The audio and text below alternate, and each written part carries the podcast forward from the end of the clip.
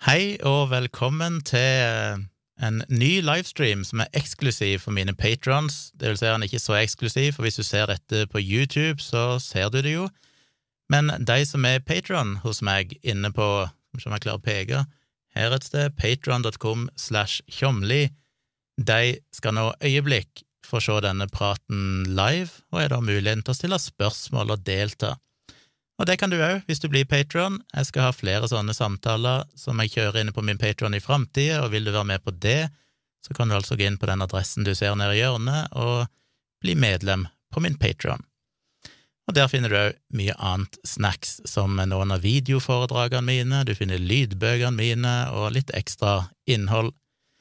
Så det jeg tenkte å gjøre i dag, siden dette er et eh, tema som jeg av en eller annen grunn er veldig interessert i, altså ruspolitikk, kanskje fordi det er kontroversielt, og det syns jeg alltid er gøy.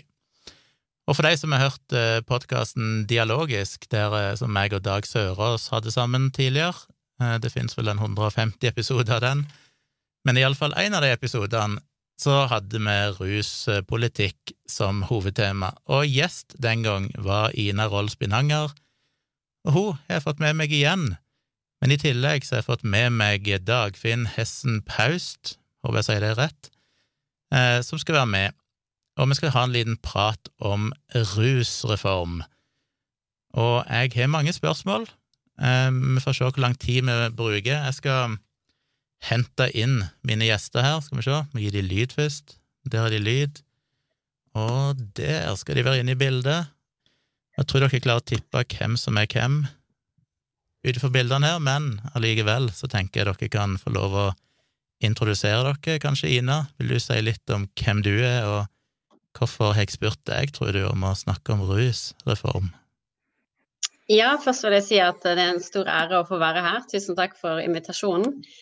Eh, jeg heter Ina, jeg er leder av foreningen Trygge ruspolitikk, som er en eh, Ja, vi liker å, å, å mene at de er ganske store. Vi har nesten 1000 medlemmer som jobber for en uh, tryggere ruspolitikk i Norge.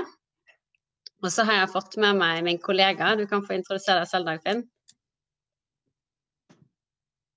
Hei, kan du høre meg nå? Ja. ja. Dagfinn Hesen Paust. Eh, jeg er da fagansvarlig i Foreningen Trygg ruspolitikk. Eh, min bakgrunn er eh, som strafferettsadvokat. Jobber bitte litt som det fremdeles. Og har hatt et, ja, et mangeårig engasjement i ruspolitikken. Ja, for nå er vi jo midt oppi det som eh, sikkert mange har hørt om, men kanskje ikke så mange nødvendigvis vet så mye om. Dere tenker sikkert at alle vet alt om dette, for dere er veldig oppi det sjøl, men eh, jeg tror for veldig mange så er kanskje dette ganske sånn ukjent farvann. De kanskje ikke helt skjønner hva dette innebærer. Og kanskje vi rett og slett skal bare begynne der, for det blir jo hovedtemaet vårt, det er det, denne rusreformen. Kanskje en av dere vil bare sånn innledningsvis kort si noe om hva er rusreform? Ja, jeg kan jo begynne, og så kan Dagfinn supplere, kanskje. Eh, så i dag så er det jo slik at man eh, blir straffet.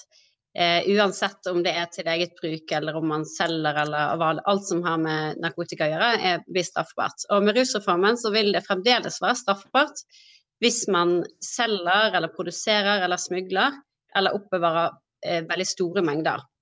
Eh, det som vil være annerledes, eh, er at eh, hvis man da blir tatt for å ha brukt ulovlige rusmidler, eller at man har kjøpt ulovlige rusmidler, eller at man har på seg eller oppbevarer opp til en viss mengde, så skal det da være en annen reaksjon. Så da skal man få man vil bli pålagt å møte til rådgivning og få en samtale og så vil man derfra få tilbud om hjelp og videre oppfølging. Så det vil fremdeles være forbudt, eh, men man vil da bli møtt med en annen reaksjon enn straff. Og det er da innenfor de, som, de mengdene som er straffefrie, som er ja, Dag fikk han sikkert ramse opp, men, men, det er mindre mengder ulovlige rusmidler til eget bruk. Og så har vi et mellomsjikt som, som, er litt der det er litt større mengder. Uh, og der vil man som hovedregel få det som kalles for påtaleunnlatelse. Eh, som da betyr at man i praksis kan slippe å få en bot eller straff men at det likevel vil bli strafferegistrert, slik at det vises da på en utvidet vandelsattest. Eh, ja, og det blir da å flytte ansvaret fra justis til helse. Mm. Kan du gjerne utdype, Dagfinn, hvis du har lyst til å fortelle om terskelverdien eller noe sånt?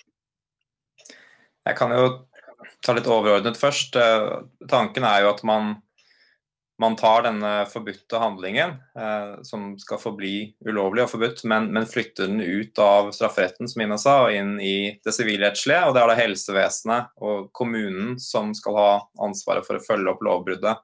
Men, men lovbruddet vil da fortsatt få rettsfølger, som det heter. Så en analogi jeg liker å bruke, da, er jo røykeloven, f.eks. Alle vet at det er forbudt å, å røyke inne på et utested i dag. Eh, men det er, ikke, det er ikke belagt med straff for røykeren å gjøre det. og Det er heller ikke eh, noen, noen sånn gebyrordning eller sivilrettslige straffereaksjoner for det. Det er bare en konsekvens i form av at man da lovlig kan ut, bortvises fra stedet da, av eier.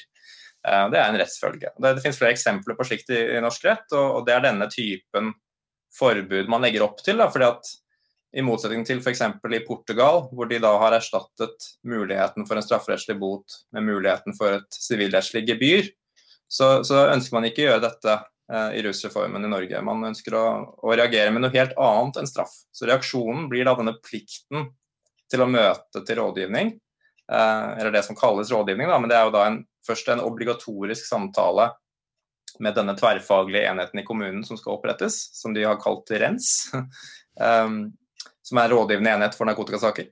Som man sendes til RENS, som det heter. Og der har man da denne denne samtalen først, som egentlig er en slags, eh, en slags belæring, hvor man får eh, informasjon om farene ved narkotikabruk, forbudet mot narkotikabruk eh, osv., som er individuelt tilpasset ut fra eh, hva slags stoff man blir tatt med, og mengden, og hvem man er, og alder og den type ting. Er man under 18, så blir man også innkalt sammen med, med foresatte, eller en annen verge. da. Og eh, så vil det legges opp til at denne obligatoriske samtalen på et eller annet tidspunkt kan mutere inn i en kartleggingssamtale som er faktisk helsehjelp, eh, som genererer journal osv. Eh, forutsatt at den innkalte da samtykker i det, ber om å, få, å ha denne samtalen og, og, begynner å snakke og delta. Og I den kartleggingssamtalen så skal man jo da forsøke å finne ut av hva den personen kan trenge av av videre oppfølging dersom det er behov for det. Eh, hva enten det er rusbehandling eller eh, annen type helsehjelp, eh, enten for psykiske utfordringer eller andre somatiske utfordringer. Og også sosialhjelp, hjelp med Nav osv. Barnevernet skal også kobles på hvis, hvis, det er grunnlag for det.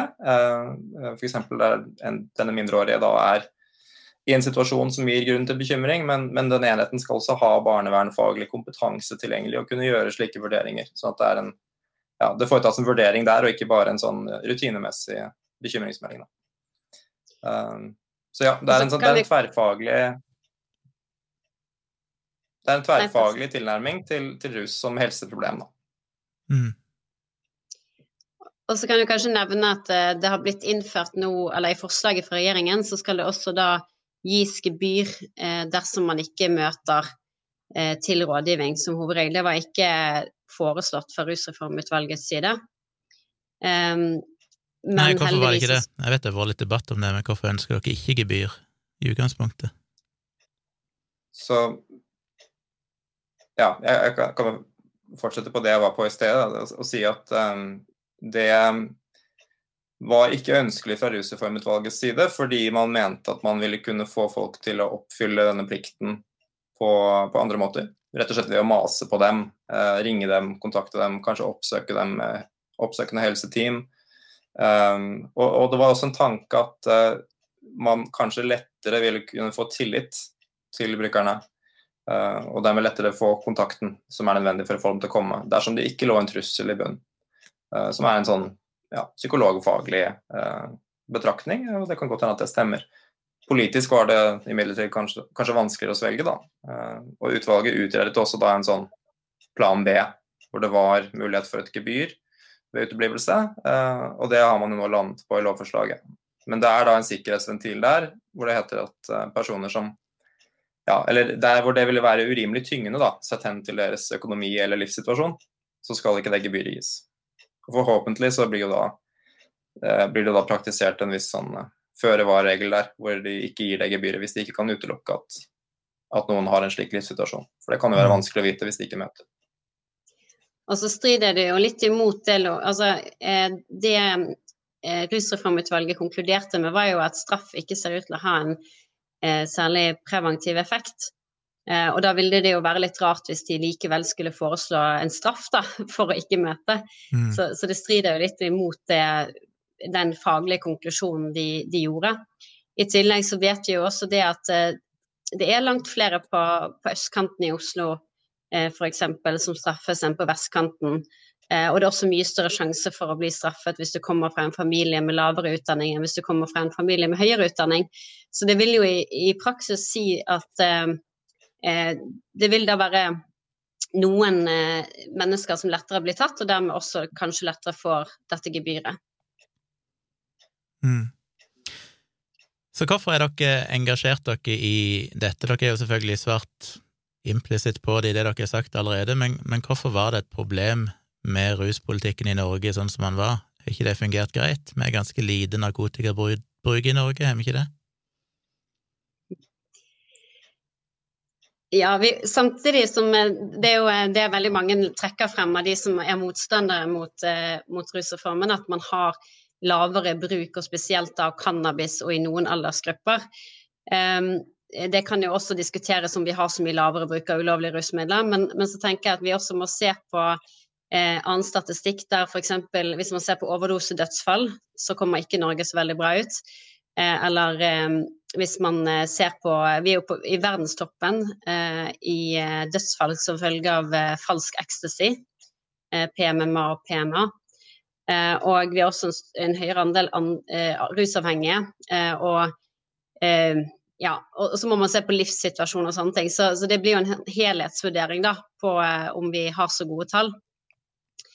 I tillegg så er det jo dette her med at straff også beviselig har negative effekter. Det har vi forsøkt å belyse på straffskader.no, der vi viser åtte ulike historier på hvordan straff skader. Eh, og hver av disse historiene er basert på ekte hendelser, og gjerne da ikke én hendelse, men, men flere. Eh, et eksempel er jo en plakat som sier at ingen ringte 113 da en person tok en overdose. Og det var fordi man var redde for at eh, politiet ville komme. Og det er basert på en undersøkelse som vi har fått gjort, som viste at hele 40% av de som hadde vært i en nødsituasjon, unnlatt, unnlot å ringe til ambulanse, eh, og at den viktigste årsaken var frykt for politiet. Så mm. eh, det er helt tydelig at også straff påvirker den hjelpesøkende atferden og har en rekke andre negative konsekvenser eh, eh, som gjør at ikke det kan forsvares. Så er det noe prinsipielt her òg, ikke? Dere har vel lagt litt vekt på at uh, du skal ikke ha straff på automatikk, men du skal kunne argumentere for at straff faktisk virker, hvis du skal innføre straffe, straff som et virkemiddel i Norge? For min del har det klart vært ganske tungtveiende. Altså min, eh, min ruspolitiske reise begynte vel egentlig da jeg, da jeg skrev masteroppgave om, uh, om straffelovkommisjonens begrunnelse for avkriminalisering av narkotikabruk i sin tid. Hvor de da viste til skadefølgeprinsippet, som er en av disse grunnleggende såkalte rettsnormene. da, eh, Og en av, av grunn, grunnvilkårene for bruk av straff i norsk strafferett, og egentlig strafferetten i store deler av verden.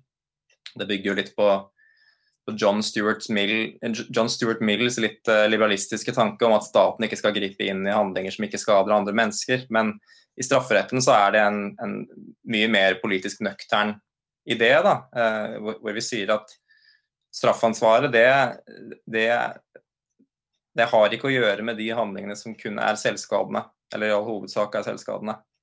Uh, vi, vi, straffer ikke selvmordsforsøk, f.eks. Vi straffer ikke folk som, som kutter seg selv, eller vi straffer ikke anoreksi osv. Um, og vi straffer heller ikke usunn livsstil. Altså, hvis man skulle tenke seg at uh, en, en, bedre analogi til, til narkotikabruk som ikke skyldes rusavhengighet, måtte være disse usunne vanene som ikke skyldes en eller annen underliggende psykisk uh, sykdom. Uh, men, men, vi straffer ikke det å være usunn. Uh, og jeg syns at den, den, begrunnelsen man har sluppet unna med i narkotikapolitikken i veldig lang tid for hvorfor narkotikabruk skal straffes, er ekstremt problematisk. For det handler om, om sosial smitteteori, hvor det er slik at vi med vår blotte atferd begår en ytring som inspirerer andre mennesker til å etterape vår atferd. Sånn at vi er et dårlig forbilde for andre, og det skal være straffverdig. Jeg tenker at Med den type logikk så vil man kunne rettferdiggjøre ganske drakonisk politikk på veldig mange områder. Eh, overvektige f.eks. vil kunne kriminaliseres for å normalisere overvekt. Og overvekt fører jo da til belastning av helsevesenet, som kjent. Altså man, man, kan tenke seg veldig mange sånne eksempler. Eh, og jeg synes det å, det å holde noen ansvarlig strafferettslig for, for, hvordan deres egen livsførsel, som en helt sånn passiv ytring, eh, påvirker andres frivillige valg, det er, ja, det er ikke det strafferetten skal brukes til, tenker jeg. Mm. Vi straffer ikke dårlige forbilder. Nei, og et annet spørsmål er jo virker straff i det hele tatt? Det er jo et interessant spørsmål på mange områder, men innenfor dette temaet så har vel dere argumentert, iallfall inne på rusreform.no, for at generelt sett så ser det ikke ut til at straff, og bruk av pisk, virker. Så det, det er et sammensatt spørsmål. Uh, vi er jo begrenset av hva vi vet empirisk. Og jeg tror det ville være uklokt å utelukke at, uh, at straff for narkotikabruk har en viss allmennpreventiv effekt. Men spørsmålet er hvor stor den effekten er, hvor pålitelig den er, og hvor, hvor konsistent den er da, uh, når en rekke andre faktorer spiller inn. Uh, og når man ser på forskningen som har blitt gjort, ikke bare på erfaringer med avkriminalisering fra andre land, men også erfaringer med innføring av straff i enkelte land for lenge siden, men også noen steder i nyere tid, så ser man at den, den, effekten virker ikke å være veldig konsistent. fordi at resultatene av begge de typene lovendringer kan, kan, synes å slå ut i begge retninger. Men jeg tenker det som er, det som er viktig å nevne, er at det, det, er jo gjort litt forskning opp igjennom i rettssosiologien, eh, til dels også i rettsøkonomien, hvor man har forsøkt å finne ut de empiriske konsekvensene av, av slike lovendringer eh, på ulike områder og man har gjort seg noen tanker om hvilke faktorer det er som, som spiller inn på, på, hvorvidt straffen har denne, denne preventive effekten. Og, og, det er ganske mange ulike faktorer. og til dels så, så, er de mer og mindre viktige, for vi er ikke alltid så opptatt av om straffen har, har en effekt. Det finnes jo de forbrytelsene vi bare straffer fordi det er riktig å straffe dem. Mm. Uh, de store forbrytelsene mot menneskeheten, uh, eller groteske drap osv. Uh, de ville kanskje blitt begått uansett, de fleste av disse lovbruddene, men, men, det er ikke derfor vi straffer dem, for vi, vi, må reagere. Men så kommer man til disse mer instrumentelle straffebudene, sånn som vi har i narkotikapolitikken, hvor vi faktisk har begynt å bruke strafferetten som et folkehelseinstrument. Og da stiller det seg veldig annerledes. Men det man ser, da, er at f.eks. Så, så er ikke denne moralsk eh, normerende effekten til straffebudet så veldig stor når når folk ikke oppfatter den straffbare handlingen som så veldig umoralsk. Så, så det å prøve cannabis, f.eks., det, det er vanskelig å få folk til å tenke at det er en, en, stor forbrytelse.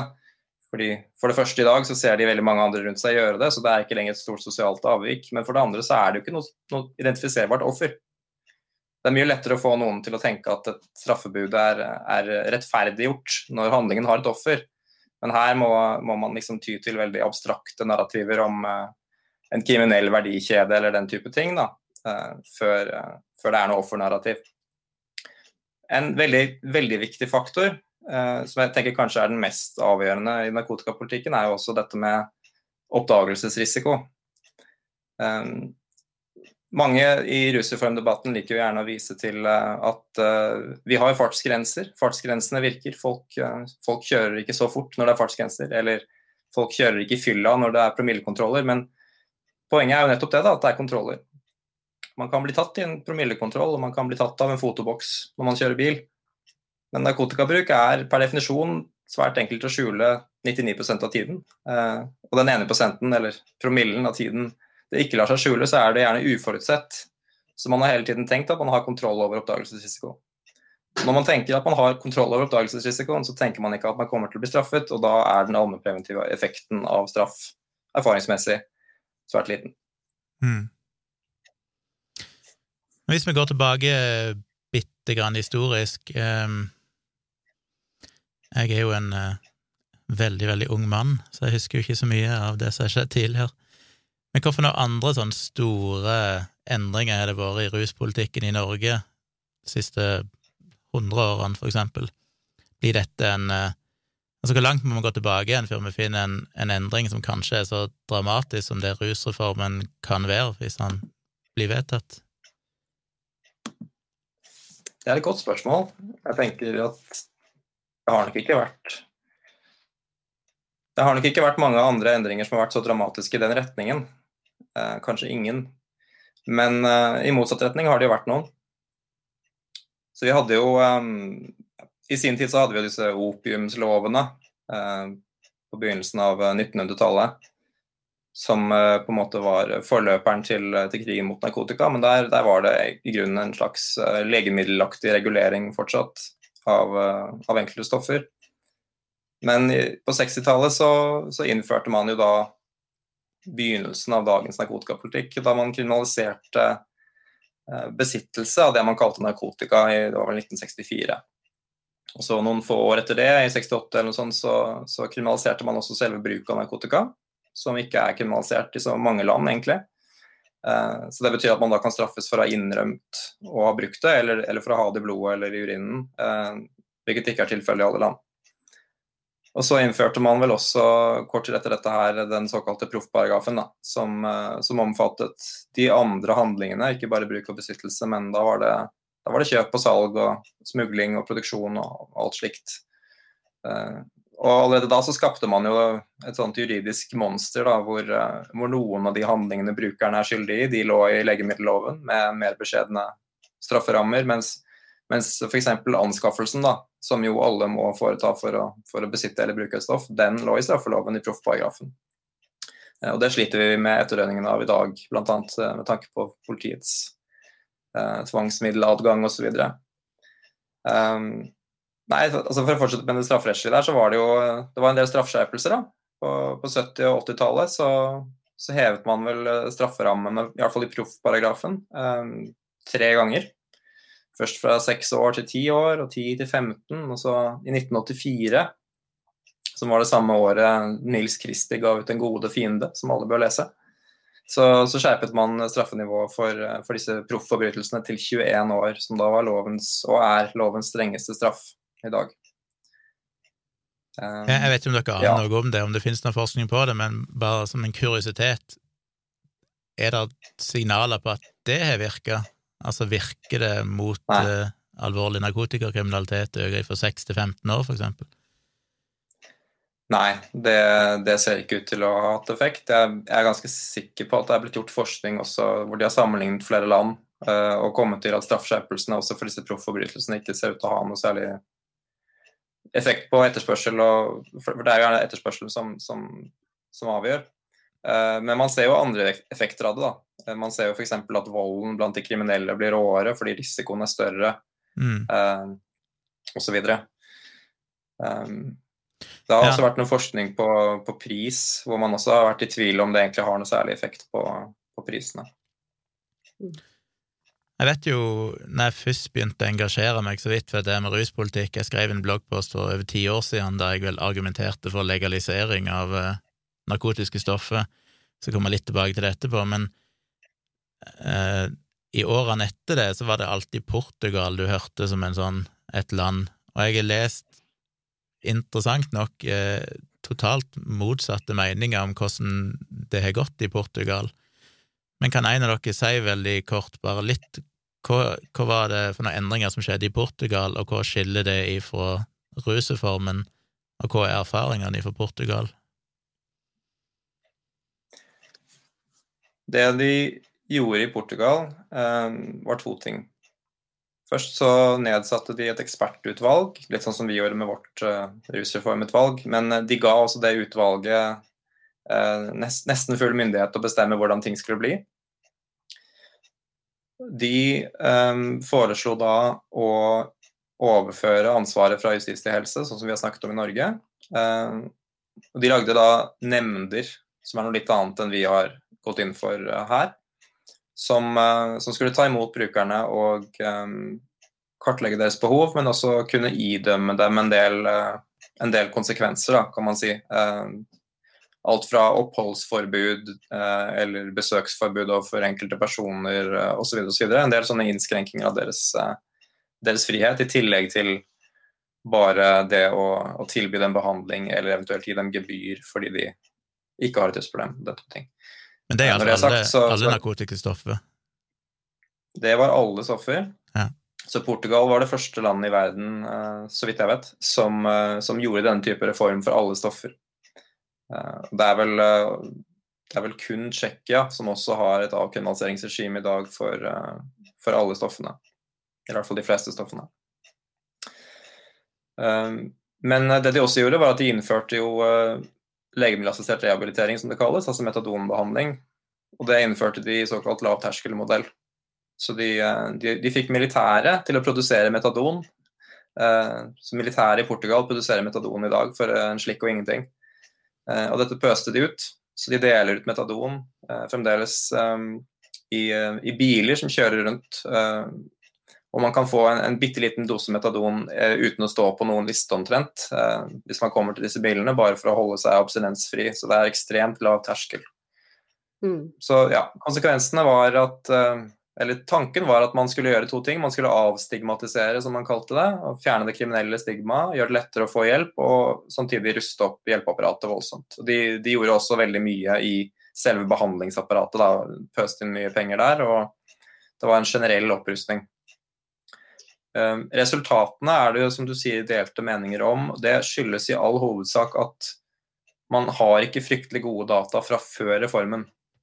Portugal var eh, i og for seg et u-land på den tiden. Eh, det var et tidligere diktatur, og de hadde, eh, de hadde et store sosiale problemer, og ikke minst et kjempestort narkotikaproblem, hvor de, de anslo at 1 av befolkningen var avhengig av heroin på et tidspunkt. Mm. Men med det utgangspunktet, da, så kan man jo si at hvis det går ganske bra der i dag, så har de nok sannsynligvis sett en bedring. Og det er blitt forsket en del på dette her, og, og, konklusjonen er at selv om man ikke vet nøyaktig hva overdosetallene var før og etter, og selv om det kan være avvikende registreringspraksis mellom Portugal og Norge osv., så, videre, eh, så er det helt utvilsomt at Portugal så en voldsom reduksjon i overdosedødelighet. Så klart, det kan selvfølgelig skyldes uh, i hovedsak det at de begynte å dele ut uh, metadon. Eh, og Det kan også skyldes uh, dette i kombinasjon med avkriminalisering. Det er veldig vanskelig å isolere de to effektene. Uh, men faktum er at Portugal i dag har lavt narkotikabruk generelt. Det brukes mindre cannabis i Portugal, egentlig mindre av alle stoffene, hvis ikke jeg husker helt feil, i Portugal enn i Norge. Mm. Så skal det sies at mange henger seg opp i at man i Norge har litt høyere bruk blant tiendeklassingene enn man ser i Portugal. Men det ser jo da ut til å endre seg når man kommer oppover i alder.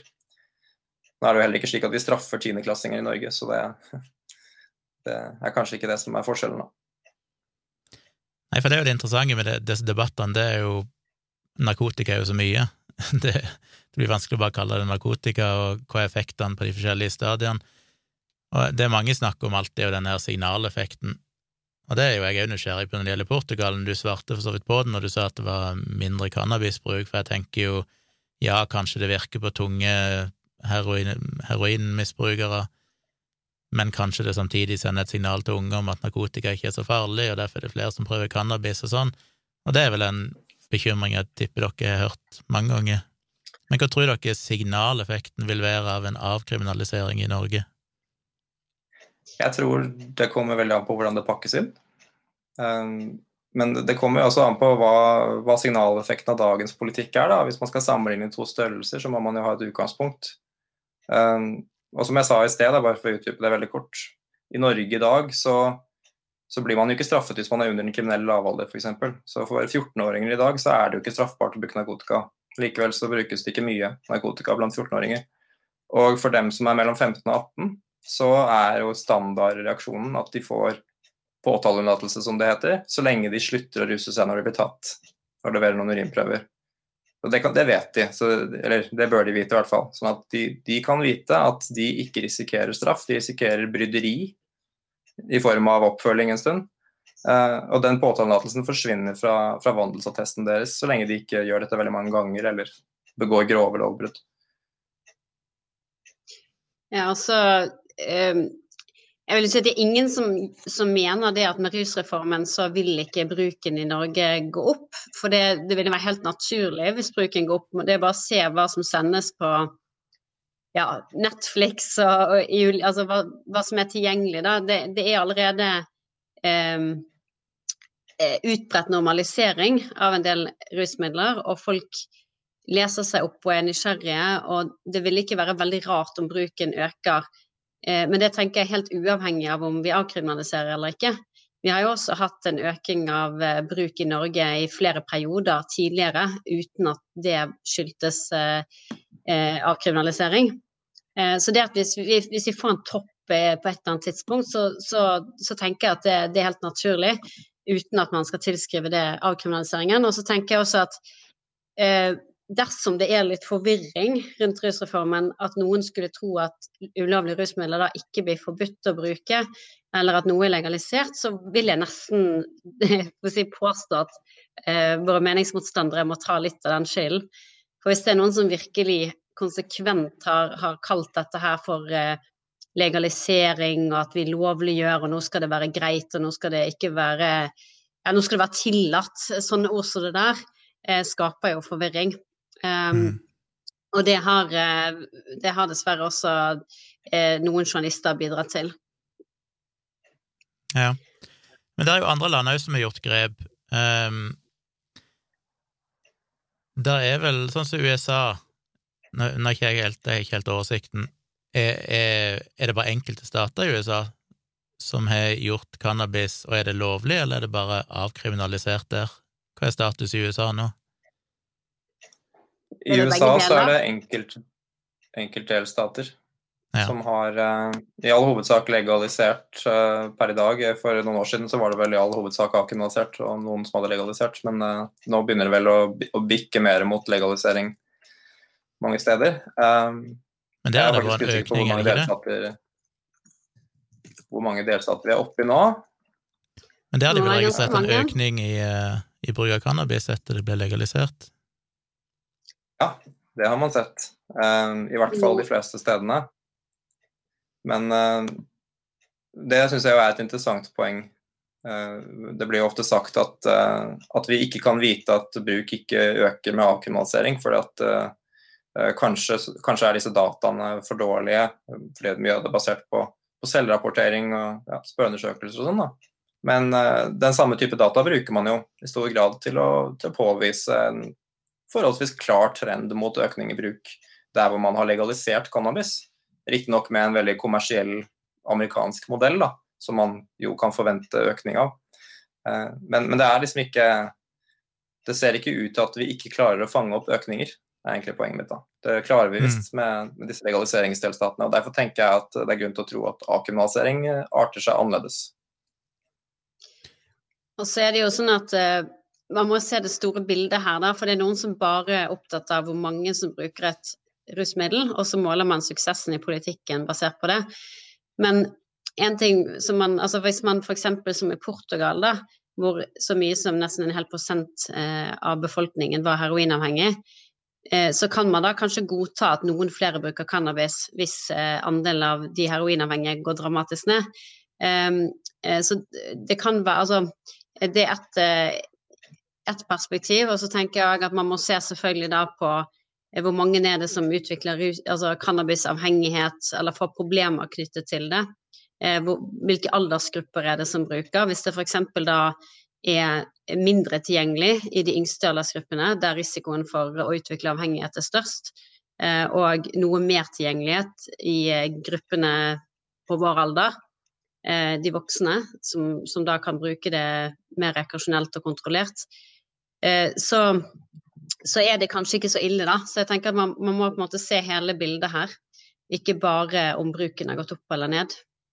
Nei, for det var egentlig mitt neste spørsmål, det var dette her med det totale rusforbruket. Det er vel det som er det interessante, og hvis det ene går på bekostning av det andre, så jo det, kan jo det være positivt. Men, men, hvor mye aksept er det for det hos politikere sånn, å akseptere at ikke alt narkotika er narkotika, litt sånn 80-tallets narkotika, at det faktisk er ja, eh, sterkt varierende skadelig, skadelighetsgrad, holdt jeg på å si, og at mange av disse ulovlige rusmidlene blir regna for å være mye mindre farlige enn alkohol. Altså, er det noe aksept for i det hele tatt anerkjenne det og si at kanskje det er greit at flere bruker MDMA eller cannabis hvis samtidig mange færre drikker alkohol når de er 15? Jeg tror dessverre ikke noen politikere Unnskyld. Jeg tror ikke noen politikere i Norge ville turt å, å si det, selv om noen, eh, sikkert flere tenker det. Så vil det nok eh, være veldig vanskelig. Man vil fort få avisoppslag om at eh, man synes at MDMA er greit eller ufarlig, eller ikke sant. Eh, man vil få veldig mange på seg. Så jeg tror nok i hvert fall eh, eh, fra mitt ståsted så vil jeg tippe at det tar noen, en, noen år til, om ikke ti år til, før vi kommer dit at politikere kan diskutere på den måten. Det, det er jo en, en underliggende tanke i særlig nordisk eh, russpolitikk, og den kommer fra alkoholpolitikken, om den såkalte totalkonsummodellen. Eh, hvor man har ganske mye kvantitativ forskning på alkoholfeltet som, som tyder på at eh, konsumet på en måte øker og faller som en helhet. Sånn at man kan, man kan spå noenlunde um, konsistent hvor mange storforbrukere det kommer til å være til enhver tid, basert på gjennomsnittsforbruket og totalforbruket. da.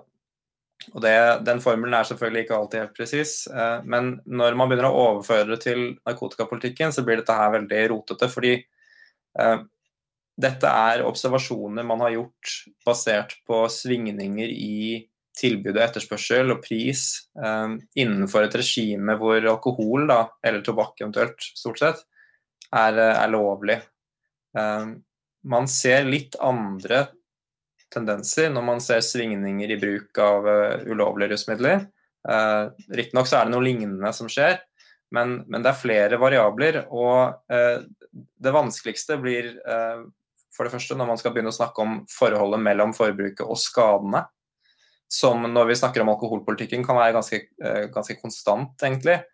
Mens det blir helt annerledes når, når vi diskuterer f.eks. to scenarioer hvor Um, hvor dette er et sterkt kriminalisert fenomen i det ene scenarioet, mens det i det andre scenarioet behandles som et helseproblem med en masse skadereduserende intervensjoner, lav terskel for å søke hjelp osv. Der er det veldig vanskelig å, å, å, å si da, at, eh, at, korrelasjonen mellom forbruk og skade er én til én.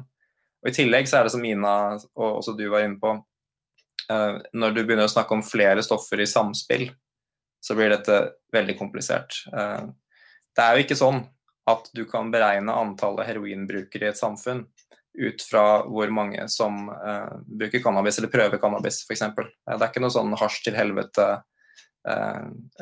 automatikk. Tvert imot så ser vi at det er ganske mange av landene i Europa som har mye høyere cannabisbruk per capita enn Norge, som har mye lavere forekomst av høyrisiko opioidbrukere per capita enn Norge har, og lavere overdosedødelighet. Nå skal jeg ikke si at det nødvendigvis er sånn at det er årsaken, men, men den type på en måte motsatte eh, konstellasjoner da, ser man i flere av de såkalt liberale landene i Europa.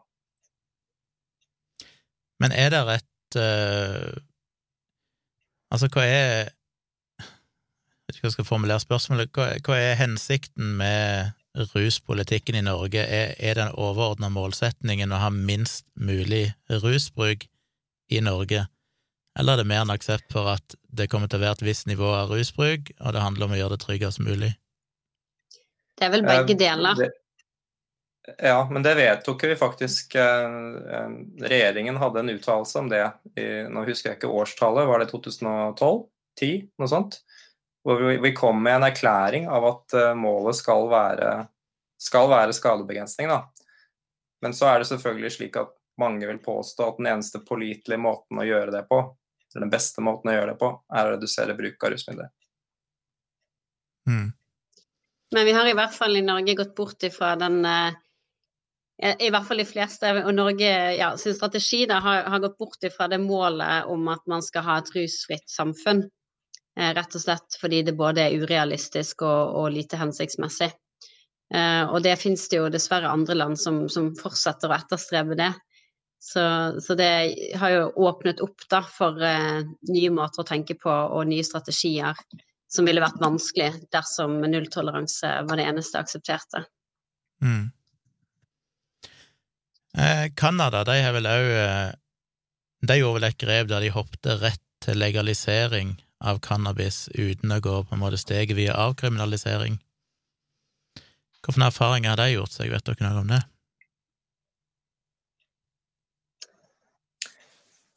Nå har jeg ikke eh, sett på de tallene på en god stund, av åpenbare årsaker. Det er andre temaer som står på dagsordenen hos oss akkurat nå. Men jeg vet at man uh, ikke klarte å spore så veldig stor økning i bruk der. Um, for der har man jo monitorert forbruket etter denne lovendringen. Og, og, Sist jeg sjekket, så var trenden at, at man ikke så den samme klare tendensen til økning i bruk som man hadde sett i de amerikanske delstatene. I tillegg så, så man eh, eh, ganske kraftig nedgang i bruk blant de aller yngste eh, tenåringene. Men det, noe av det kan også forklares med at man hadde ganske stor økning i de årene før lovendringen.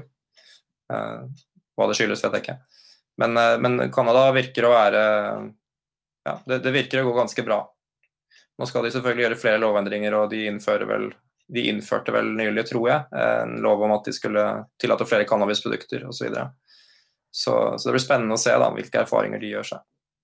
Men de har, som du sier, ikke, ikke avkriminalisert først. De gikk etterpå legalisering. Mm. Og så kan jeg bare skyte inn at det er jo et dilemma, da, fordi den ansvarlige modellen som man kanskje ønsker seg, som da gjør det eh, vanskelig for en del grupper å få lovlig cannabis, eh, det gjør jo også at det illegale markedet fremdeles eh, har et godt markeds... Eh, altså mange kunder, da.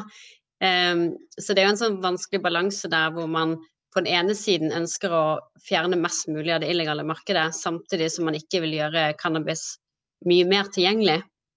Uh, så man ser jo at uh, noen stater som har uh, innført en veldig liberal lovgivning, da man, ser man negative effekter av det. Samtidig så ser man jo også veldig positive effekter, f.eks. da i i reduksjon av det illegale markedet, eller der flere kjøper legalt istedenfor illegalt. Ja, det er et dilemma. Men igjen, eh, denne totalkonsummodellen den sier vel òg noe om at eh, vi har jo en tendens når vi snakker om for eksempel alkoholproblemer, og jeg har jo blogga litt om det, og det er interessant de reaksjonene du får fordi at alle har lyst, som med nesten alle problemer her i verden, så ønsker vi å båsette hvem som egentlig står for problemet, og problemet med alkohol er jo alkoholmisbrukerne. Så det er lett å si så lenge ikke jeg misbruker alkohol, så lenge ikke jeg har et alkoholproblem, så er mitt moderate alkoholproblem helt uproblematisk. I realiteten så er det jo all, summen av alle de moderate brukerne som utgjør det største problemet i landet, ikke de få som faktisk er et problem. Og da er spørsmålet kan en avkriminalisering gjøre at selv om du kanskje får ja, i den grad Nå er ikke det hovedmålsetningen, men la ikke si at eh, politi, du kan innføre politikk som reduserer skadene fra de mest tunge brukerne på bekostning av at du får mange flere som bruker milde narkotiske stoffer, kan du allikevel ende opp med et større problem enn det du hadde i utgangspunktet. Så det, det, du sikter til der, er jo egentlig Det slås noen ganger sammen med totalkonsummodell, men det er egentlig det såkalte forebyggingsparadokset. Eh, som egentlig kommer fra andre, andre, typer epidemiologisk forskning, hvor man ser at hvis det er mange nok mennesker som har en liten risiko for skade, så blir summen av skade likevel stor. Eh, men det er jo selvfølgelig også en sannhet med modifikasjoner, da, i hvert fall i ruspolitikken. For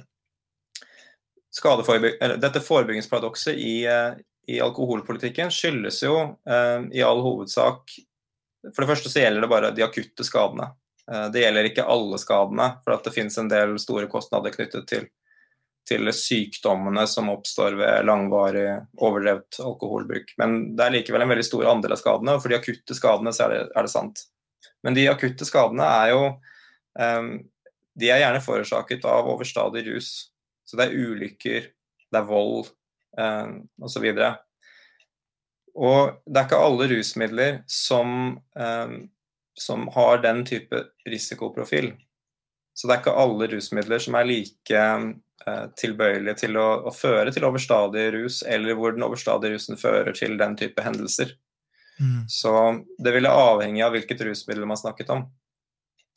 Um, en annen ting er at uh, du har en del sånne rare ting som uh, ikke-lineære skaderisikokurver, risikokurver f.eks., hvor uh, dødeligheten fra alkohol den, den øker eksponentielt med konsumet ditt som individ. mens hvis vi snakket om tobakk f.eks., så, så er det ikke tilfellet. Der er det ganske lineært. Så for alkohol så vil en skjevfordeling av forbruk i befolkningen gi potensielt større total skade, skade i hvert fall form av, i form av individuell dødelighet, um, enn en jevnere fordeling, mens for tobakk ville vært ett fett. Så det er en del sånne variabler da, som, som arter seg ulikt for ulike rusmidler. Jeg tror at um, hvis vi hadde sett en stor økning i antallet personer som brukte cannabis av og til Jeg tror ikke det vil skje som følge av avkriminalisering, for det er ingenting som tyder på det. Men jeg tror det fort kan skje ved legaliseringsreformer.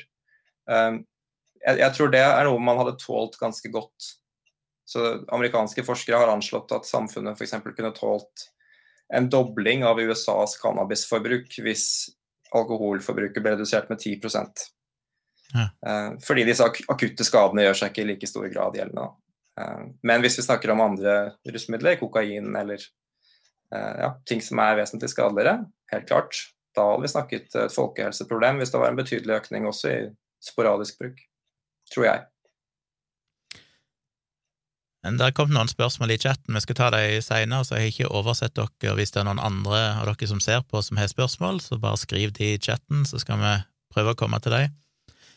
Jeg har bare lyst til å få litt grep på den praktiske konsekvensen av rusreformen, fordi vi snakker jo om en del forskjellige brukergrupper. Og de jeg eh, kokte sammen i mitt lille hode i full fart, uten å ha så mye kunnskap om dette, jeg så bare for meg ok, ei gruppe er kanskje typiske barn og unge som ønsker å teste ut cannabis eller et eller annet for første gang. Du har de voksne rekreasjonelle brukerne, som kanskje har brukt det lenge og har relativt god kontroll på det, og du har mer de tunge rusmisbrukerne. Hvordan blir de forskjellige Jeg føler mye av debatten er jo handler om unge, at ja, hvis du blir du, hvis du blir tatt med en brukerdose, så er det fortsatt konsekvenser, du må møte til rådgivning og alt dette her. Men for mer si, tunge rusmisbrukere som blir tatt med heroin på seg, hva er konsekvensene for dem? Det er ikke noe barnevern som kommer til å følge opp dem, liksom, men, men de må òg møte opp til et rådgivning. Eller hva er det som skjer? Betyr det i praksis for dem at de slipper å gå ustraffa, det blir ikke noen reaksjon, men så tidligere ble en reaksjon? Ja, så De vil jo måtte møte til rådgivning, de også, eh, uten at det betyr at de blir straffet hvis de ikke gjør det. Eh, der, eh, men det som er viktig, er jo den samtalen man får, og tilbudet om videre oppfølging. Og da kan man jo bli sendt videre til rusbehandling hvis man ønsker det. Eller eh, få hjelp til økonomiske problemer, altså ja, hjelp til bolig. henvis videre til Nav, f.eks. Eh, og det viktige her er jo egentlig at uansett hvilken gruppe brukere man snakker om, så er det jo ingen som får hjelp av å få et verre liv. Mm. Eh, så det er uansett eh, om det er barn og unge som prøver rusmidler i, i en ung alder, som er en veldig stor risiko, som er en risikogruppe, fordi de har mye større risiko for å utvikle rusproblemer senere. Eller om det er de som allerede har et rusproblem, eller det er de som, som bruker ulovlige rusmidler av og til, så er det jo, slik vi ser det, ikke forebyggende for noen av disse gruppene eh, at de får et eh, rulleblad eller en bot eller eh, ødelagte fremtidsutsikter, en kriminell identitet. Så, så, det viktigste er jo egentlig å slutte å påføre skade. Og så er det å sørge for bedre forebygging og bedre oppfølging enn i dag. Og jeg, jeg er ganske sikker på at vi vil få bedre forebygging med rusreformen. Fordi for det første så er det jo da ikke noen grunn til at man skal stikke av hvis man ser politiet. Eh, så man vil ikke da frykte politiet eller straff som man gjør i dag. Eh, hvilket betyr at flere vil bli eh, tatt. Og så vil det være lavere beviskrav, som gjør at også flere kan bli pålagt å møte til rådgivning.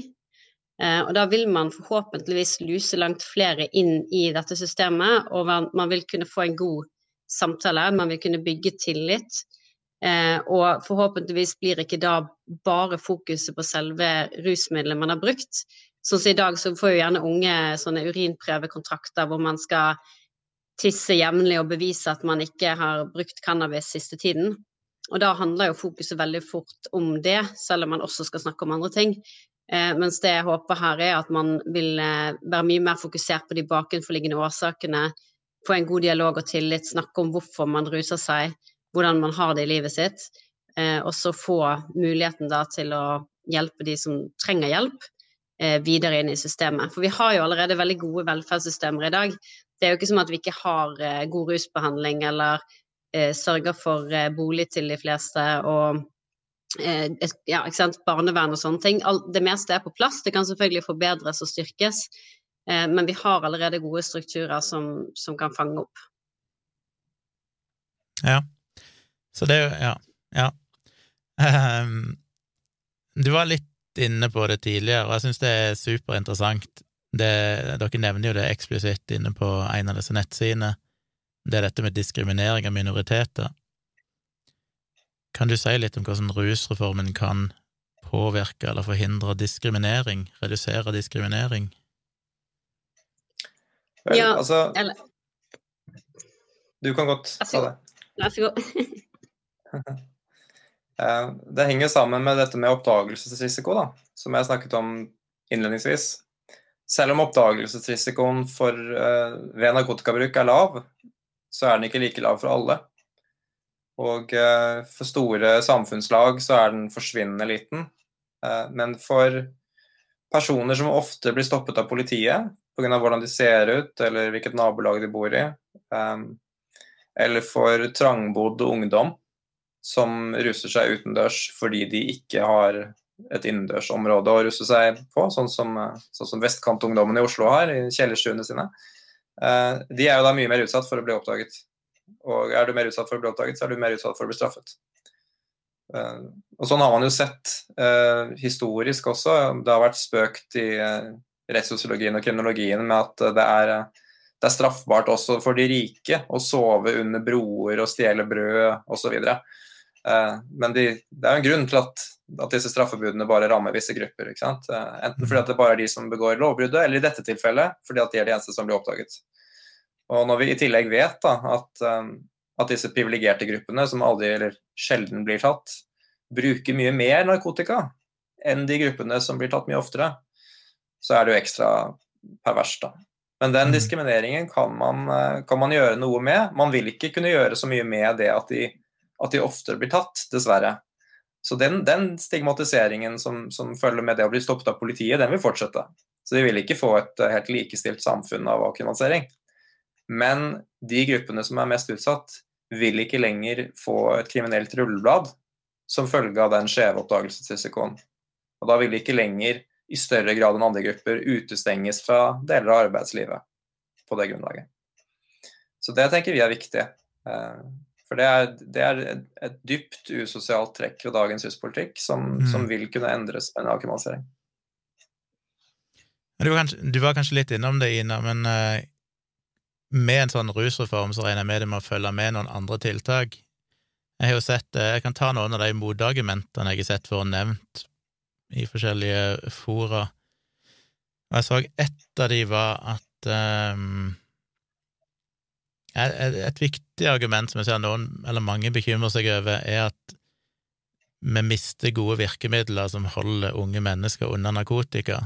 At folk er redd for at det ikke får noen reell konsekvens, å bryte forbudet mot å ha narkotika på seg, eh, og ikke minst at foreldre mister en viktig støtte fra storsamfunnet for å stoppe narkotikaforbruk, og da tenker de blant annet på disse ruskontraktene, og for det er vel sånn at eh, denne ungdommen, hvis du er under 18 år, må møte opp til en, en uh, samtale, men så etter det så på en måte kan foreldrene kobles fra, og ikke nødvendigvis er involvert lenger, du kan kanskje si noe om det etterpå, men de er redd at du da foreldrene mister muligheten til å faktisk følge med og, og hjelpe sjøl, med storsamfunnet i ryggen.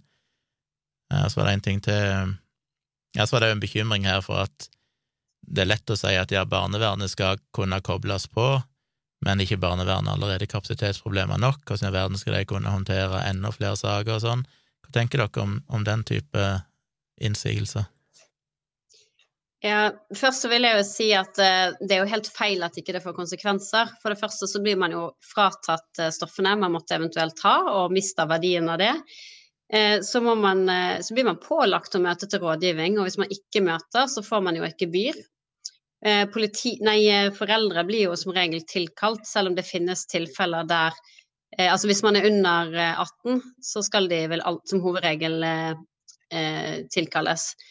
Eh, og eh, det som egentlig er forskjell, er jo bare at man tilbyr en oppfølging som i hvert fall eh, jeg tenker er mye mer eh, forent med det som er anbefalingene fra FN, hvor det handler om å bygge tillit eh, og hjelpe folk. Eh, Hvis det f.eks. kan være mobbing, det kan være andre ting de unge sliter med.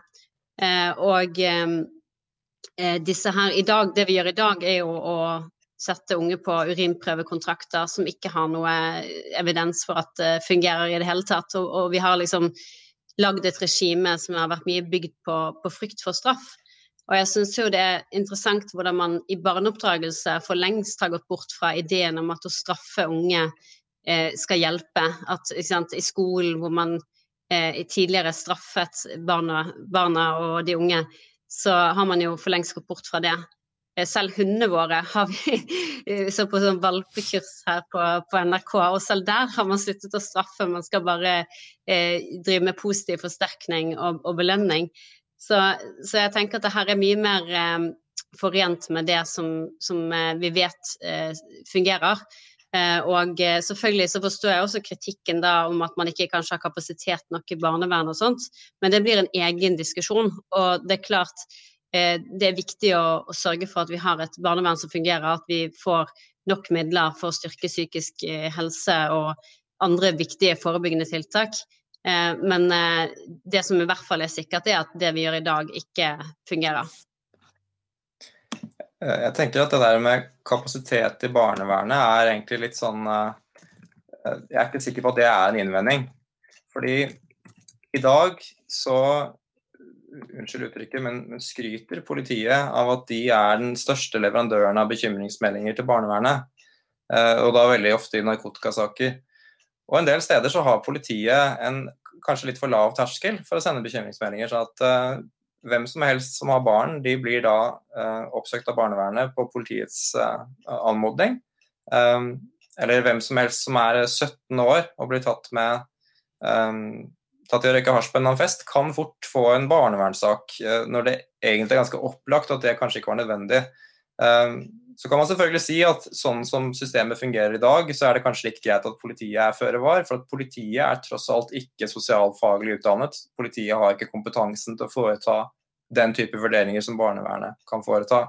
Men i den modellen som er foreslått i rusreformen, så skal jo denne kommunale rådgivningsenheten ha tverrfaglig kompetanse, inkludert barnevernfaglig kompetanse, og kunne foreta barnevernfaglige vurderinger der på stedet. Sånn at rådgivningsenheten vil da være um, en, en, skranke mot unødige bekymringsmeldinger til barnevernet. Uh, I tillegg til også å fange opp dem som trenger oppfølging av barnevernet. Så jeg vil tro at uh, man like gjerne kan se kanskje litt avlastning av barnevernet, fordi man da faktisk får silt ut og, og gjort en vurdering på hvem som bør følges opp på barnevernet og ikke. Så jeg er ikke overbevist om at rusreformen nødvendigvis vil legge mye press på barnevernet. Eh, det, det gjenstår å se, tenker jeg. Eh, når det er sagt, den bekymringen om at foreldre kobles av, det, det er en misforståelse. Eh, når det gjelder unge mellom 16 og 18 år, så er det riktignok sånn at når man snakker om helsehjelp, så kan de da bestemme eh, om foreldre skal ha fullt innsyn i deres behandling eller ikke. Og de samtykker også selv til behandling. Eh, det gjelder da også den delen av denne oppfølgingen i rusreformen som regnes som, som, behandling eller helsehjelp, altså denne kartleggingssamtalen og alt dette som forutsetter samtykke. Men foreldrene, eller foresatte, da, hvem enn de måtte være, har fremdeles krav etter eh, etter loven på å få innsyn i opplysninger som er nødvendige for å oppfylle foreldreansvaret. Sånn at hvis det, kom, det fremkommer opplysninger om at eh, barnet deres eh, ja, f.eks. har eh, et problematisk rusmiddelbruk, utover det som fremgår av den, den, innledende samtalen. For de blir jo innkalt uansett til den obligatoriske samtalen. De får vite bakgrunnen for innkallingen. De får vite at vi tok deg med åtte gram hasj den dagen. Uh, dette vet de allerede. Men hvis det fremkommer i kartleggingssamtalen senere, som de ikke får lov til å være med i, uh, at barna også bruker heroin, og har et heroinproblem som de ikke vet om, så kommer de til å få den opplysningen, for den har, den har de krav på. Så, så, de blir ikke koblet av. Mm. Så tenker jeg at disse, disse, urinprøvekontraktene, hvis man bare analyserer dem sånn helt eh, a priori, liksom, uten å se på masse forskning, bare se på hvordan de egentlig fungerer. I utgangspunktet så er det da ingen, det ingen straffetrussel for å prøve. For at alle de ungdommene som blir tatt, de får en second chance. Da må de bare slutte å ruse seg, og så må de levere prøver. De aller fleste klarer det, det kan være et salig bryderi, det kan være krenkende og kjipt, men, og, og, noen syns det går fint. Eh, men de aller fleste klarer jo det. Så for dem var det aldri en reell trussel om straff. Så for dem har det antagelig heller ikke vært noen allmennpreventiv effekt. De har visst at det er ikke så farlig å prøve narkotika, for jeg blir ikke straffet.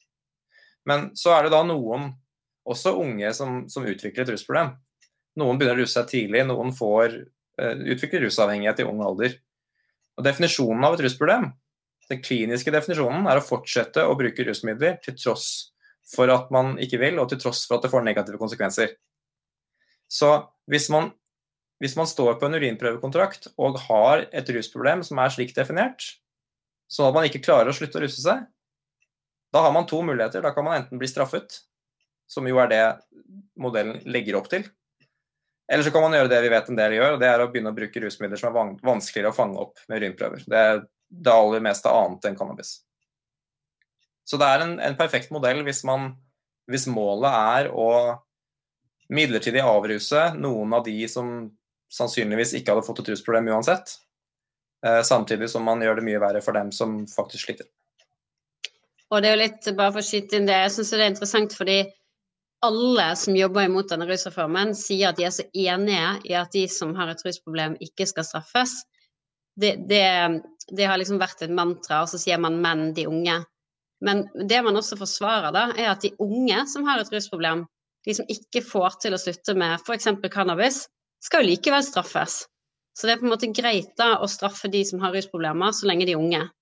Mm. Og dette her er jo Det er jo ingen hemmelighet at det er en større andel av de, unge, de som begynner å ruse seg i ung alder, og som får alvorlige rusproblemer, at det er en større andel blant de enn i den generelle befolkningen som har eh, opplevd traumer og sant, som har eh, eh, en bagasje med seg.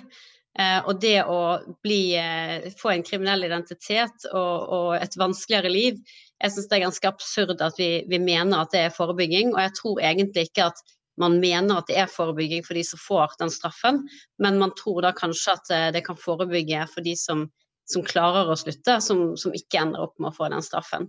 Så det er litt som å kaste noen under bussen for, å, for å, beskytte flertallet. Eh, og det blir, eh, det blir, ganske absurd. Og det er jo kanskje nettopp de vi kaster under bussen, som da eh, får rusproblemer. Og så er det veldig mange av de som andre som prøver cannabis, som uansett ikke ville fått et rusproblem, så ville klart å slutte helt fint på egen hånd, eh, helt uten en sånn, sånn ruskontrakt. En annen innvending Det skal også sies at ja. Beklager, det er litt tidsforsinkelse. Ja, jeg skal bare til, tilføye at um, ruskontrakter som verktøy kommer ikke til å forsvinne med rusreformen. Ruskontrakter med juridisk straff som ris bak speilet vil være utelukket. Men det finnes andre modeller for ruskontrakt allerede i dag som vil kunne videreføres. Uh, Bl.a. frivillige ruskontrakter hvor ungdommene inngår dem med foreldre eller andre verger eh, omsorgspersoner, hvor da eh, omsorgspersonen eller foreldren får vite prøveresultatene, og da eh, eventuelt blir skuffet hvis de ikke klarer å levere rene prøver. Det er et slags ris bak speilet, det òg. Eh, du har også såkalte frivillige ruskontrakter som benyttes i barnevernet, hvor, eh, hvor barnevernet kan true med opptrapping av tiltakene dersom de begynner å levere prøver som ikke er rene, eller ikke levere prøver. Og Det kan være opptrapping helt opp til tvungen institusjonsplassering etter barnevernloven paragraf 424. Da snakker vi institusjonsopphold eh, på tvang i opptil et år av gangen, også utover fylte 18 år. Så det er, ganske mange verktøy i den kassen. Eh, så jeg, jeg tenker at det, ruskontrakt forsvinner ikke med rusreformen, det er, det er noe folk må, må, forstå. Eh, om vi skal fortsette å bruke dem, om det er et bra tiltak, det er for så vidt et annet spørsmål. Kanskje burde vi ikke det uansett. Men hvis du er over 18 år, da? Hvis jeg hadde mm, brukt eh, kokain jevnlig, og kanskje innerst inne følte at det var et problem, at jeg egentlig ønska hjelp, men så er forskjellen at i dag, hvis jeg hadde blitt tatt med med kokain på meg, så kunne jeg blitt eh, Eller så ville jeg blitt straffa for det. Men, så ser jeg, men med rusreformen så vil jeg istedenfor møte på en måte ei, hånd som sier her kan du faktisk få hjelp, eller trenger du hjelp, her har du muligheten. Og så er det jo noen som bekymrer seg da for at hvis jeg som voksen blir tatt og møter opp til en samtale, og så ok, greit, og setter det så er det ingen konsekvenser.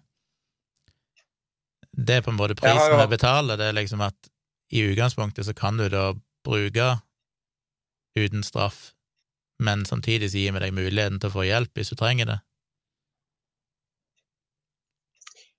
Altså, jeg har jo hatt ganske mange klienter som, uh, som i dag får bøter. Uh, og, og, det har konsekvenser for dem, negative konsekvenser for dem også, men det, de, de, bryr seg jo ikke. Kanskje fordi de allerede hadde en fra før. og det? Det, det er nok av, nok av, mennesker der ute som lever, i, lever liv hvor, eh, hvor, det å få en sånn bot er noe de, de der og da ikke lar seg avskrekke av.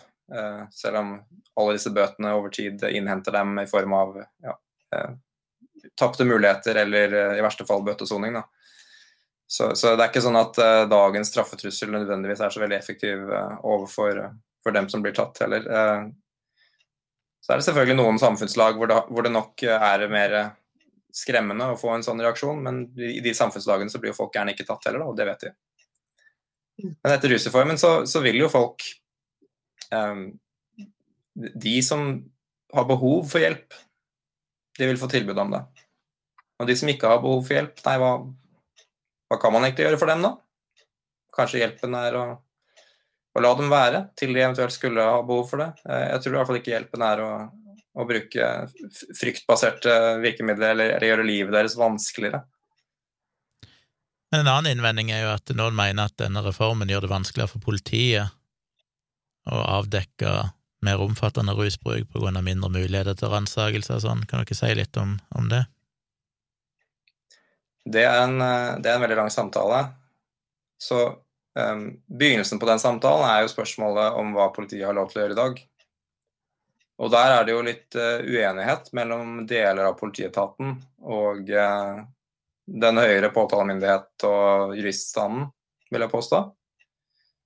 Dessverre så er det sånn at uh, mye, av, um, mye, av, det lovverket som politiet benytter seg av i etterforskning av, sånne saker, og for så vidt også generell straffeprosess, ransakelser av ulike slag, um, der går det en del grenser Eh, for såkalt forholdsmessighet, hvor man skal vurdere om, eh, om et inngrep er, er, forholdsmessig å bruke, tatt hensyn til eh, lovbruddets alvor og situasjonen for øvrig. En del grenser som ikke er helt klare. De er ikke, de er ikke oppstilt i, i høyesterettspraksis, og det får sjelden konsekvenser når de grensene brytes der ute i, i felt. Det blir ikke angrepet av, av, de mistenkte, for at de har ikke noe å tjene på det rettslig. Bevisene blir brukt uansett. Eh, det går sjelden til Spesialenheten, og Spesialenheten konstaterer sjelden straffansvar. Så, så det er et ullent område. Men det er ganske stor enighet um, blant juristene, og Riksadvokaten har også ymtet fram på flere ganger, om at en del av de verktøyene politiet i dag bruker i, i mindre narkotikasaker, de er ikke de ikke innafor å bruke ved enhver befatning med narkotika heller i dag. Så hvis det er snakk om mistanke om bare bruk, eller mistanke om en veldig liten mengde med et eller annet, som er åpenbart eget bruk, så er det ikke sånn at politiet kan bruke hele den verktøykassen som, som de ellers kan bruke ved, ved, snakk om større mengder, og i hvert fall ved snakk om mistanke om salg, hvor det endrer seg fullstendig. Så, så forholdsmessighetsvurderingen den ligger der allerede i dag. Eh, hvor disse grensene går, er da som sagt ullent. Og med rusreformutvalgets eh, Eller unnskyld, med rusreformlovforslaget, da, så blir det trukket veldig skarpe grenser. Da blir det trukket klare kvantumsgrenser for når man er utenfor og innenfor straffeprosessloven. Uh, og Jeg skal ikke si uh, uh, med to strekker under svaret at de ikke mister noe som helst, men det er en del ting vi må huske på her. F.eks. hvis vi snakker om heroin, da, så er det klart at den mengden heroin som de snakker om å gjøre straffri, den er over det som i dag kan straffes med i hvert fall betinget fengsel. Og i noen tilfeller kanskje til og med, til og med ubetinget. Jeg tror vi er i hvert fall i betinget. Sånn at det, det er ikke bøteforhold, og der vil politiet helt klart ha en ganske vid adgang til bruk av tvangsmidler i dag. Men de aller fleste personene de påtreffer med en viss mengde heroin på seg, eh, de ferdes gjerne i de åpne russcenene. De, eh, de fleste av dem er jo også selgere. De er både rusavhengige og selgere. De blir gjerne tatt for salg hvis de blir tatt for noe. Eh, og Samtidig så, så pleier jo ikke politiet å gå så aggressivt etter dem, nettopp fordi det er den gruppen som man, som man helst ønsker å slippe å gi enda flere bøter eller enda flere korte, meningsløse fengselsdommer. Så dette er også den gruppen som ofte er eh, bostedsløs, sånn at en husransakelse det blir fort bare ransakelse av en sengeplass på et hospits. Eh, det, er liksom ikke det helt store de mister der, da, eh, alt i alt. Og det var jo også de aller tyngste brukerne denne rusreformen også skulle komme eh, til gode. Når det gjelder de andre stoffene, så tror jeg man egentlig ikke fratar politiet så fryktelig mye. Og så skal vi også huske på, som Ina sa i sted, det såkalte beviskravet blir, uh, blir senket i rusreformen. Det innebærer at uh, hvis det er snakk om et avkriminalisert lovbrudd, så bruk, besittelse, oppbevaring eller anskaffelse av disse begrensede mengdene til eget bruk, uh, så holder det å ha sannsynlighetsovervekt. Det er beviskravet i den nye modellen. Sannsynlighetsovervekt er det samme som det vi kaller skjellig grunn til mistanke i straffeprosessen. Så det betyr at inngangskriteriet for ransakelse i dag er alt som skal til for å oppklare saken etter rusreformen. Mm. Så ved etterforskning av de forholdene så er de tvangsmidlene helt overflødige. Saken er ferdig etterforsket da. I tillegg så kan jeg bare skyte inn at vi, vi møtte jo politisjefen i Porto i Portugal, og han vektla det at eh, når man etter å ha avkriminalisert i Portugal, så fikk politiet en annen tillit blant brukerne av ulovlige rusmidler. Og det gjør jo da at eh, sant, det blir kanskje lettere å anmelde annen kriminalitet hvis man ikke selv risikerer å bli straffet.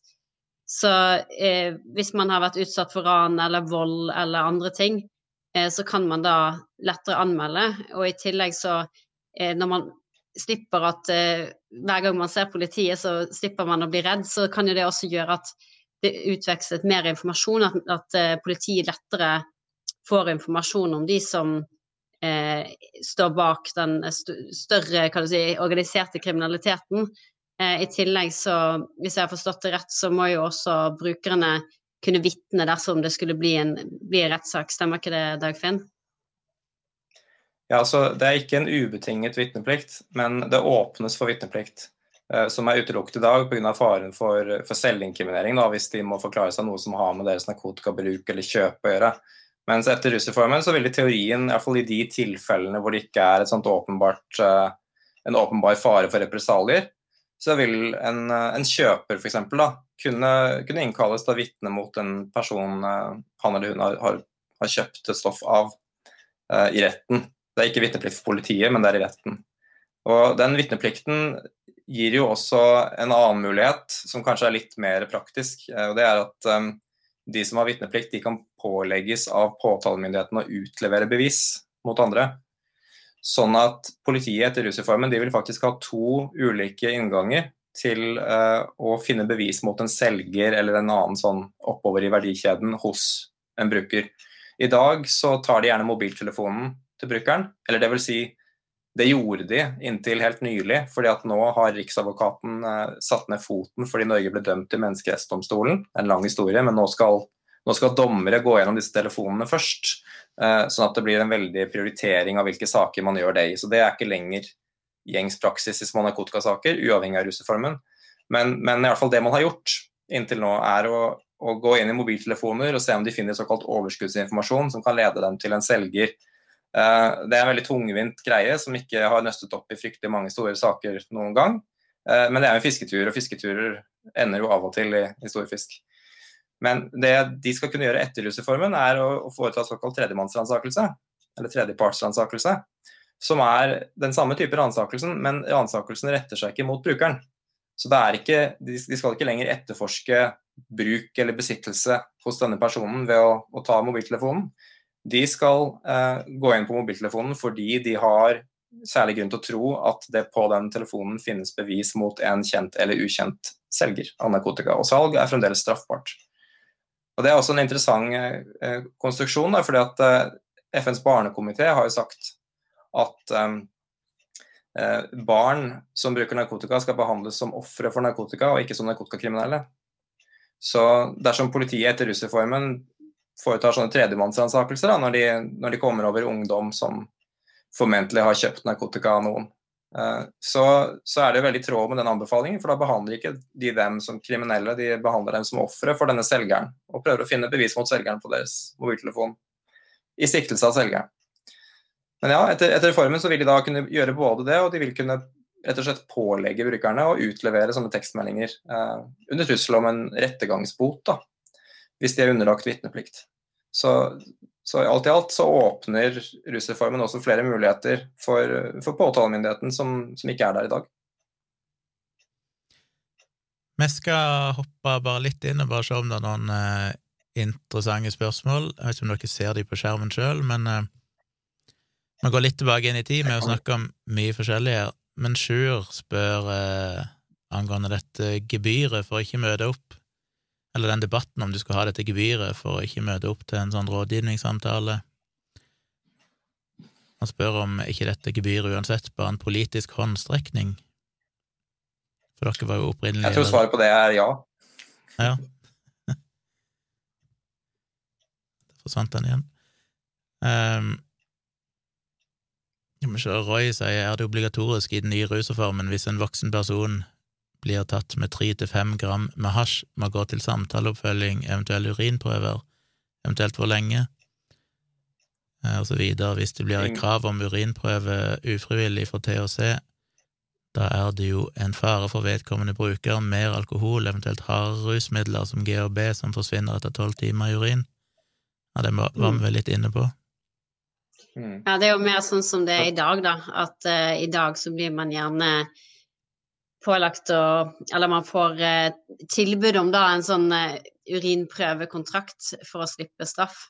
Eh, og da vet vi jo dessverre at det er noen som er, redd, er, så redde for at noe skal vises på prøvene. Og hvis man da ikke klarer å slutte med cannabis, så går man kanskje over på syntetiske varianter eller andre farlige rusmidler eh, fordi eh, de, de, ikke vises på prøvene.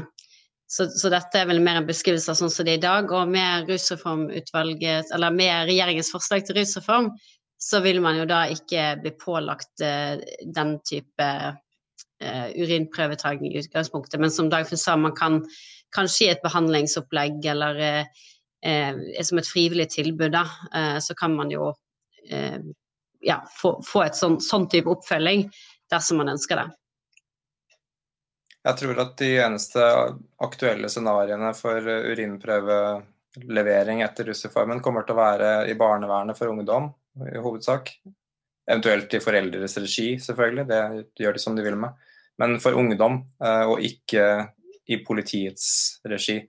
Eh, så vil man også muligens kunne pålegges det fremdeles eh, Eller det vil man, da. Man vil kunne pålegges det fremdeles i forbindelse med tap av førerkort gjenerverv av førerkort for f.eks. cannabisrøyking. Det er en helt annen ting som ikke, ikke reguleres av, av, dette lovverket. Ja, unnskyld, da sa jeg kanskje feil hvis eh, jeg glemte at eh, innenfor barnevernet så kan man vel gjerne bli pålagt det fremdeles. Jan spør spørsmål. om ulovlige fisketurer, du var vel så vidt innom det, men et diffust spørsmål, ja. kanskje, men jeg kan, jeg kan, si litt om det. Um, det eh, har jo vært en påstand, dessverre, fra enkelte i politiet at, eh, at de i dag kan foreta en del ransakelser av narkotikabrukere sånn for sikkerhets skyld, for å se om det er noe mer av interesse. Eh, og det er jo en veldig problematisk påstand.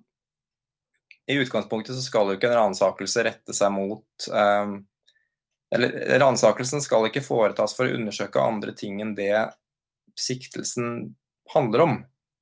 Sånn at eh, hvis man påtreffer noen i besittelse av narkotika, eh, ute på gaten, og man så bestemmer seg for å gå gjennom deres mobiltelefon eller eh, ransake boligen deres, så må man jo ha en klar formening om hvorfor man skal gjøre det.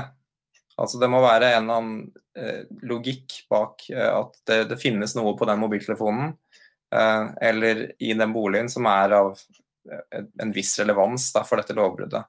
Så klart Når mengden begynner å bli stor nok, så, så pleier man å anse det forholdsmessig. dels fordi det da begynner å flyte over i en slags nesten mistanke om kanskje salg. dette er litt dette er uklare linjer, men, men, i utgangspunktet så skal man ikke drive med, med ransakelser for, for, sikkerhets skyld. Så, så, det ble jo påstått bl.a. Av, av noen politidistrikt overfor uh, rusreformutvalget i høringene at de rutinemessig gikk gjennom mobiltelefonene til, uh, til brukere, personer som var siktet for, for, besittelse og bruk, i tilfelle de skulle finne noe overskuddsinformasjon om, om salg.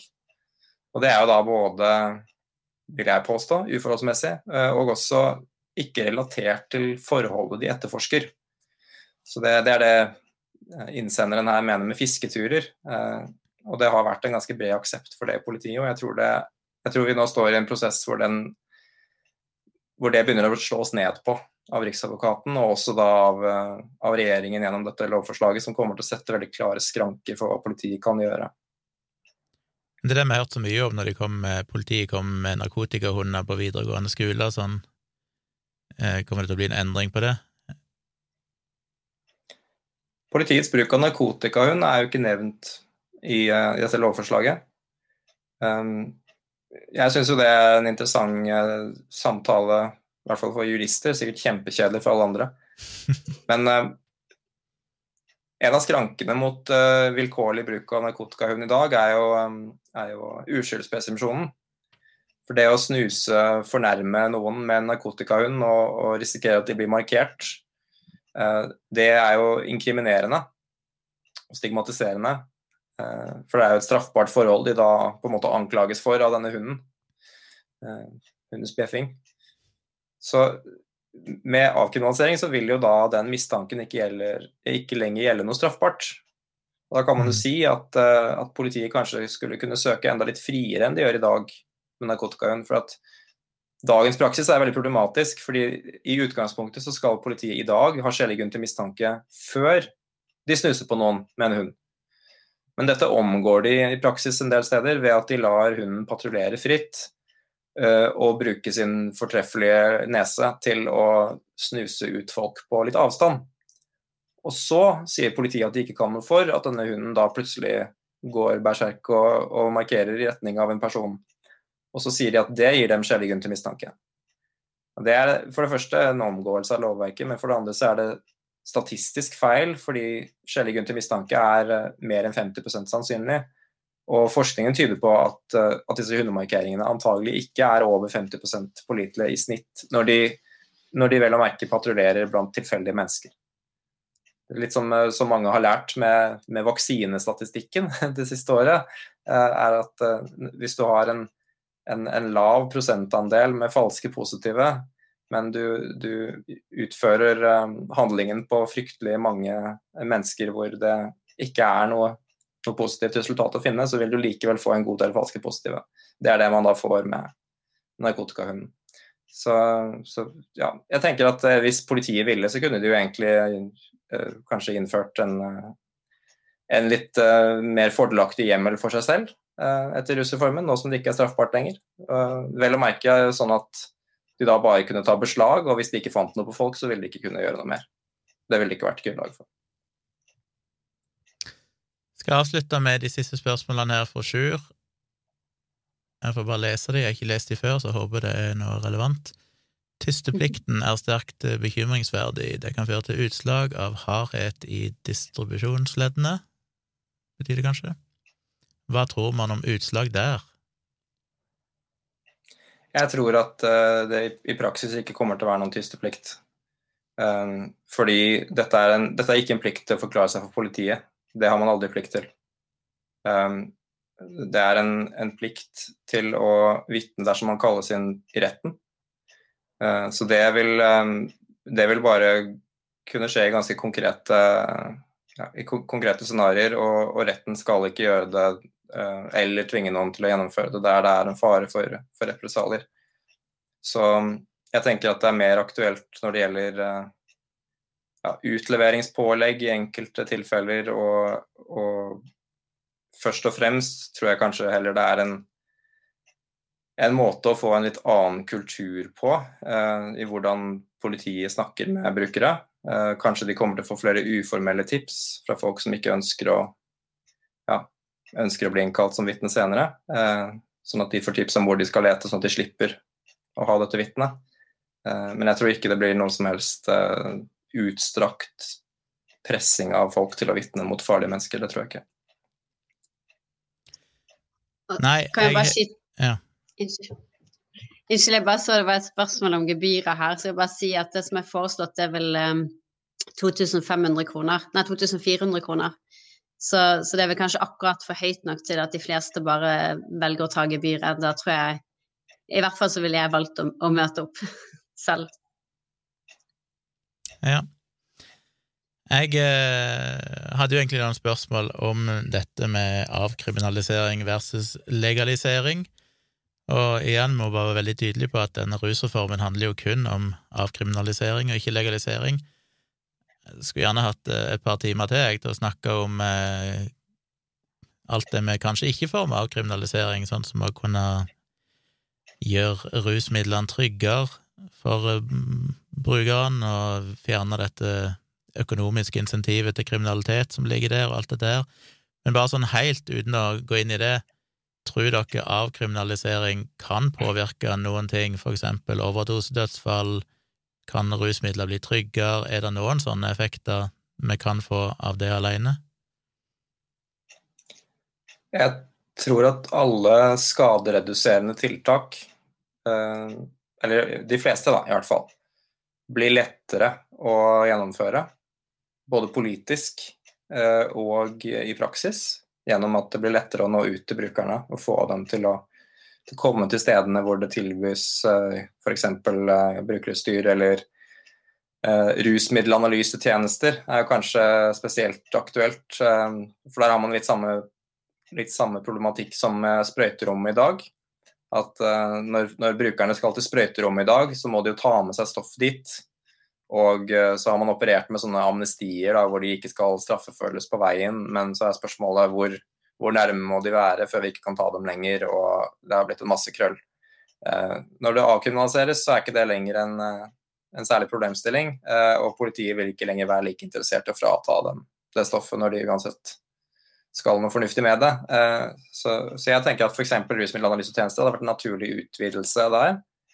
Um, jeg tror um, jeg tror også at vi jeg tror vi vil se en effekt på overdosedødeligheten. Også i Norge så vil det nok kanskje være vanskelig å isolere effektene. for selv om vi allerede har metadon, i motsetning til Portugal og de avkriminaliserte, så innfører jo vi heroinassistert behandling til høsten i Bergen og Oslo. Um, til, til en, ja, noen hundre pasienter. Sånn at uh, det kan jo hende at det treffer den populasjonen som er mest utsatt for å dø i overdose. Og i så fall så vil vi jo i hvert fall se en effekt av det, forhåpentlig. Men uh, jeg tror at avkriminalisering vil bidra til avstigmatisering og, og, og, forbedre livskvaliteten til mange brukere. Og i hvert fall på sikt så, så tenker jeg at det kan virke inn på, på overdosedødelighet. Ikke minst fordi vi vet at veldig mange overdoser er enten skjulte selvmord eller, eh, eller eh, i gråsonen mellom overdose og selvmord, såkalte likegyldighetsoverdoser. Eh, hvor, hvor, det helt klart antagelig vil ha noe å si da, at samfunnet har behandlet uh, folk som annenrangs borgere i, i, lang tid og utsatt dem for ganske mange ublide møter med politi og maktapparat. Ja, jeg syns det her er, er, veldig spennende, ikke mest av alt Eh, av rus i seg sjøl, men det er mer tankegangen bak det. Jeg syns det er herlig, ideen om at eh, jeg aldri var noen stor tilhenger av straff som tiltak, og jeg ser liksom en del andre områder umiddelbart. Jeg håper vi kan få en tilsvarende reform, ikke bare innenfor rus, men også innenfor en del andre områder, der jeg skulle ønske vi kunne fokusert mer på hjelp heller enn straff. Men eh, helt til slutt, hva tror dere dette skal Når skal dette vedtas? Var det i mai? Eh, det er bestemt at det skal vedtas en gang før sommeren, ettersom det kom opp nå. Men det, det er ingen nøyaktig dato som er satt ennå, så vidt meg bekjent. Det jeg vet, er at 16. mars så skal det være en høring, og det er sannsynlig at det kommer til å bli behandlet i Stortinget i mai. Er dere optimistiske? Det kommer an på hvilken dag du spør oss, tror jeg. Da regjeringens eh, forslag ble lagt frem, så var vi først veldig optimistiske og heiet og syntes at eh, både helseministeren og Guri Melby fra Venstre gjorde en fantastisk eh, jobb. Eh, så gikk jo Arbeiderpartiet ut og sa at de ikke var for avkriminalisering, og da fikk vi litt panikk og trodde at, eh, at løpet var kjørt. Og så har vi sett litt, litt sånn miksa signaler. Det, det, er tydeligvis veldig mange ulike meninger om dette her i Arbeiderpartiet også. Så nå får vi bare fortsette å jobbe holdt på å si dagen natt, dag og natt, i hvert fall på dagen, for at dette her skal gå igjennom. Og så er jo det veldig deilig å, å føle på det at det ikke bare er eh, Dagfinn og Jørn og Mikkel og jeg eh, pluss eh, noen tillitsvalgte og medlemmer. Nå er det jo eh, og selvfølgelig alle brukerorganisasjonene eh, og de som har vært aktive i rusdebatten før. Men nå er det, dette her er jo blitt en debatt som, som eh, alle Det virker i hvert fall som at omtrent alle mener noe om det, og alle er med og bidrar. Så det er veldig gøy å se at det er så mange som engasjerer seg og skriver kronikker og, og ønsker å, bidra til at verden beveger seg i riktig retning. Ja, takk til dere som stender på. Takk eh, for alt arbeid dere har gjort, men òg for at dere var med i denne episoden her. Um, takk for invitasjonen. Takk for at vi fikk lov å delta. Jeg håper jo det kan kanskje bidra til at flere blir opplyst og får noen nye tanker om det. Takk til dere som har sett på, både mine patrons og dere andre. Og um, tja, jeg vet ikke om jeg har noe fornuftig å avslutte med, annet enn å bare si ha det. Ha det. Ha det bra.